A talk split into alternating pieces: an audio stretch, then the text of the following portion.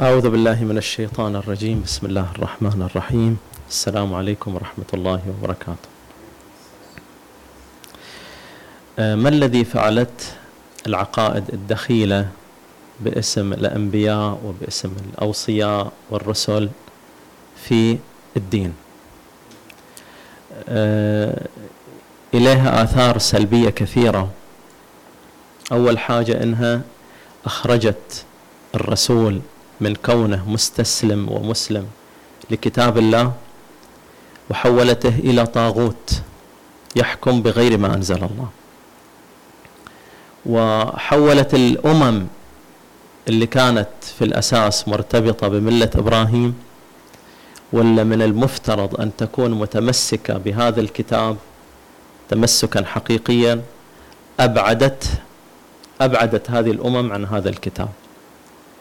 وأبعدتهم عن حقائق هذا الكتاب. وأصبحت كل أمة إليها تشريعاتها الخاصة اللي تعزز فيها قيمتها وتفصلها عن بقية الأمم. كل أمة أصبحت ترى أن لنفسها الجنة فقط وكل أمة آه، تعزل بقية الأمم عن الجنة. يعني تقول كن كذا تحصل على الجنة.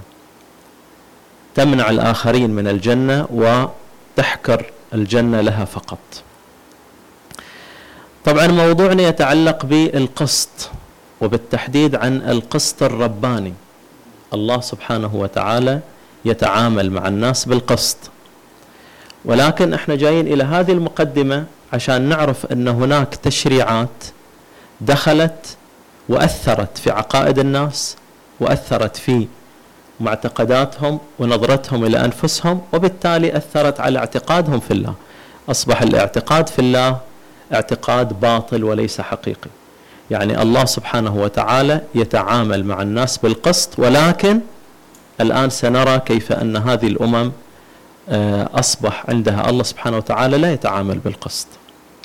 قبل لا نعرف القسط الرباني قبل لا ندخل في هذا المفهوم خلينا نشوف ما آلت إليه الأمم وبالتحديد الأمم اللي اندرجت من ملة إبراهيم. اللي هم مشركي مكة أهل الكتاب إلى أي درجة وصلوا؟ وبناخذ نماذج إلى اختلال هذا القسط الرباني وبعدين ندخل إلى الآية اللي تعطينا المفهوم.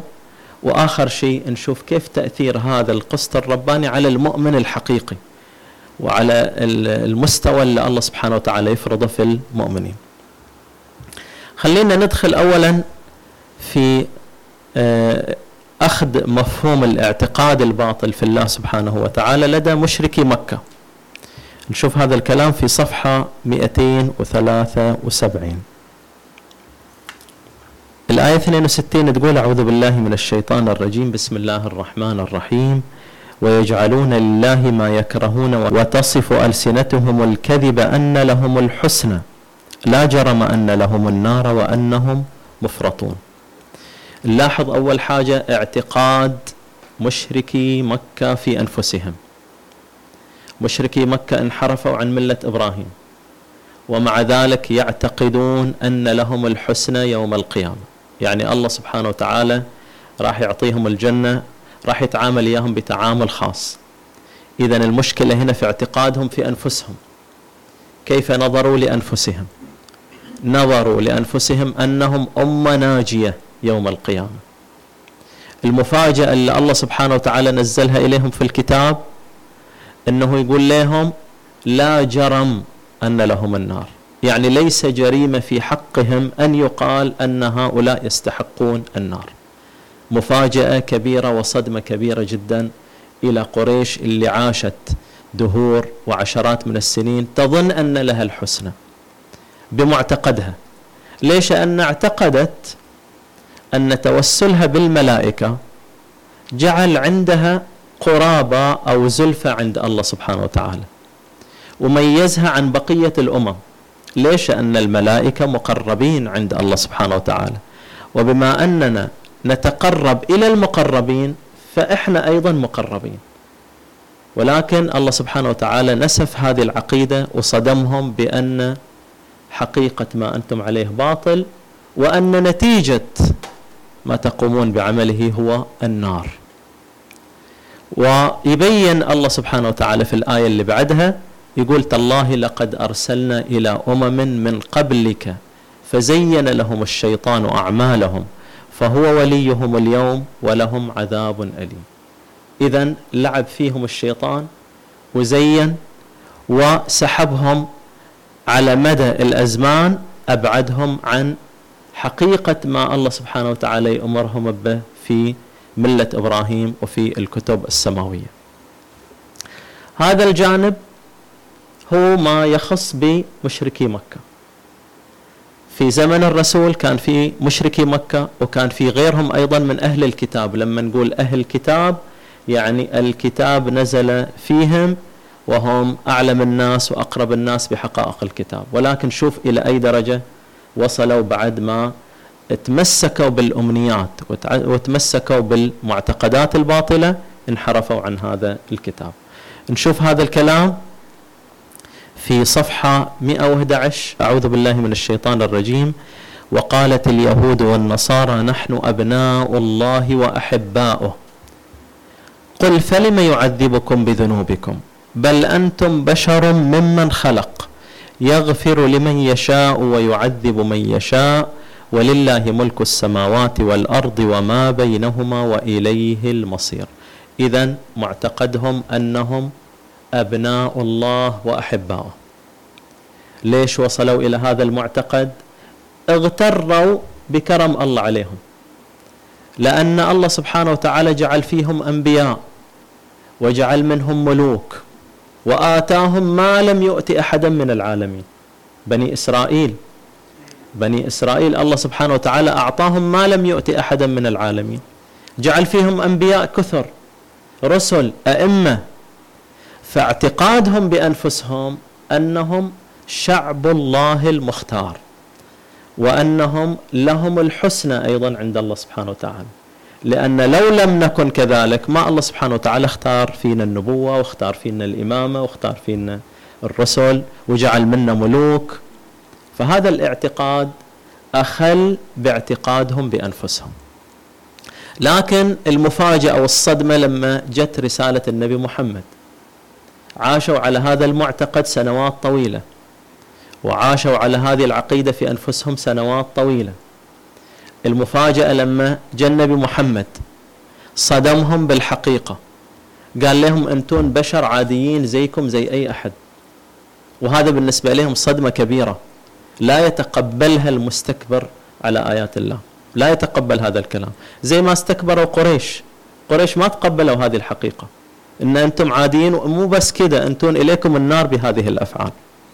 الآن أيضا هؤلاء يقول لهم بل أنتم بشر ممن خلق. هذه صارت صدمة بالنسبة إليهم. ويقول لهم يقول للنبي محمد وصل لهم رسالة يقول لهم فلم يعذبكم بذنوبكم؟ أنتم قاعدين تتعذبوا زيكم زي أي أحد. تصابوا بما يصاب به الآخرون. هذا في الدنيا فما بالك بالآخرة؟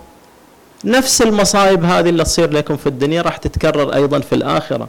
زيكم زي أي إنسان آخر. إذا هنا المشكلة في اعتقادهم في أنفسهم. والاعتقاد هذا الله سبحانه وتعالى عالجه بعدة أشكال وبعدة صور وهنا يقول لهم فلم يعذبكم بذنوبكم؟ بل أنتم بشر ممن خلق. إذا مشكلتنا هنا في عقدة نقدر نسميها عقدة شعب الله المختار. هذه العقدة متواجدة في كل الأمم اللي انحرفت عن الكتاب السماوي واللي ابتعدت عن عقيدة أن الله يتعامل مع الآخرين ومع الناس. أن الله سبحانه وتعالى يتعامل مع البشر سواسية وبالقسط ولا يتعامل بتمايز وأن القانون واحد ويطبق على الجميع. هذه هي المشكلة. من هذا المنطلق ومن هذه العقدة هذه العقدة عقدة شعب الله المختار. أخلت بالقسط الرباني. لأن الاعتقاد في القسط الرباني وش هو؟ الاعتقاد في القسط الرباني أن نعتقد بأن الله سبحانه وتعالى يعطي كل ذي حق حقه. يعاقب من يسيء ويجازي ويثيب من يحسن. ايا كان هذا الإنسان. ايا كان انتماءه بغض النظر عن انتمائه إذا حطينا حساب إلى الانتماء قضينا على القسط الرباني. واعتقدنا في الله الباطل. وهذا اللي تسويه المعتقدات اللي تجي بأسماء الأنبياء ومن خارج الكتاب السماوي. العقيدة الأساسية عندنا والمفهوم الأساسي في القسط الرباني في صفحة 52 سورة آل عمران في الآية 18 الآية تقول أعوذ بالله من الشيطان الرجيم. شهد الله أنه لا إله إلا هو والملائكة وأولو العلم قائما بالقسط. لا إله إلا هو العزيز الحكيم. الله يشهد على نفسه. الملائكة يشهدون. أولو العلم إلا الله سبحانه وتعالى نزل لهم الكتب السماوية ودرسوا هذا الكتاب وعلموا من الكتاب الحقيقة. يعلمون أن الله سبحانه وتعالى قائم. في هذه الحياة بالقسط. الله سبحانه وتعالى يتعامل مع الناس بحقيقة واحدة بقانون واحد. وليس بعدة قوانين. هؤلاء لهم القربى وهؤلاء أحباء الله فلهم قانون آخر غير أولئك الذين ليسوا من أحباء الله وليسوا من اقربائه. هذا يضيع قسط الله والله سبحانه وتعالى يتعامل بالقسط. هذه هي القاعدة وهذا هو القانون الأساسي والآن نشوف تأثير هذا الاعتقاد على المؤمنين. يعني ردة الفعل الحقيقية، الرده الإيمانية، التفاعل الإيماني مع هذا القانون. مو تفاعل نحن أبناء الله واحباؤه. مو تفاعل أن لنا الحسنى يوم القيامة، مو هذا التفاعل. لا تفاعل المؤمنين اللي الله سبحانه وتعالى يمتدحه في الكتاب. أيضا في نفس السورة في سورة آل عمران في صفحة 75 أعوذ بالله من الشيطان الرجيم. بسم الله الرحمن الرحيم. إن في خلق السماوات والأرض واختلاف الليل والنهار لآيات لأولي الألباب. الذين يذكرون الله قياما وقعودا وعلى جنوبهم ويتفكرون في خلق السماوات والأرض. ربنا ما خلقت هذا باطلا. سبحانك فقنا عذاب النار. المؤمن يعتقد بعد ما يتأمل ويتفكر في هذا الكون ويذكر الله كثير يصل إلى هذه الحقيقة. حقيقة أن الله سبحانه وتعالى ما خلق هذا الكون باطلا. يعني خلقه بالحق. لما أقول خلقه بالحق يعني راح يتعامل إيا الناس بالحق. ولذلك المؤمنين ديلا بعد هالكلمة يقولوا سبحانك فقنا عذاب النار. ليش فقنا عذاب النار؟ لأنك راح تتعامل بالحق بالعدل وأعمالنا ما توصلنا إلى درجة أن إحنا ندخل الجنة. فقنا عذاب النار. بينما هذاك الآخر يعتقد أن ضمن الجنة خلاص وأنه أنقذ من النار. فإذا هذا هو تأثير القسط أو الاعتقاد بالقسط الرباني هذا هو حقيقة تأثيره على المؤمنين وهذه ردة الفعل الإيمانية اللي الله سبحانه وتعالى يتوقعها من أو يبغاها من المؤمن. والحمد لله رب العالمين.